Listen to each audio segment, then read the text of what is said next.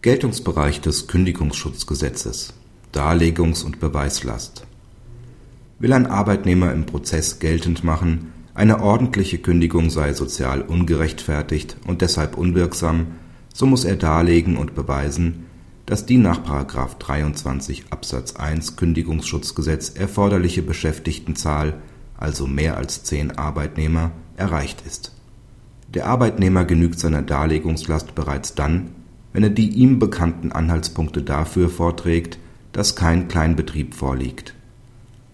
Der Arbeitgeber muss sich daraufhin vollständig zur Anzahl der Beschäftigten erklären.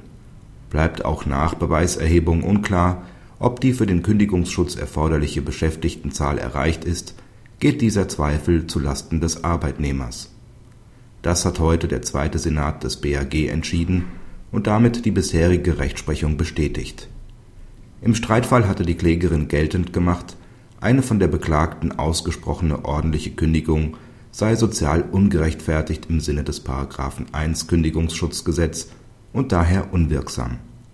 Die Beklagte beschäftige 14 Arbeitnehmer und sei deshalb kein Kleinbetrieb. Die Beklagte hatte eingewandt, die Kündigung bedürfe keiner sozialen Rechtfertigung, weil sie in ihrem Betrieb nicht mehr als zehn Arbeitnehmer beschäftige. Die Vorinstanzen hatten die Klage abgewiesen, weil die Klägerin nicht ausreichend konkret dargelegt habe, dass die Beklagte mehr als zehn Arbeitnehmer beschäftige. Die Revision der Klägerin führte zur Aufhebung des Berufungsurteils und zur Zurückverweisung des Rechtsstreits an das LAG. Zwar trifft auch nach der zum 01.01.2004 vom Gesetzgeber eingeführten Erhöhung der für Kleinbetriebe maßgeblichen Höchstbeschäftigtenzahl von fünf auf zehn Arbeitnehmer die Darlegungs und Beweislast nach wie vor den Arbeitnehmer. Das LAG hat jedoch zu hohe Anforderungen an den erforderlichen Tatsachenvortrag der Klägerin gestellt.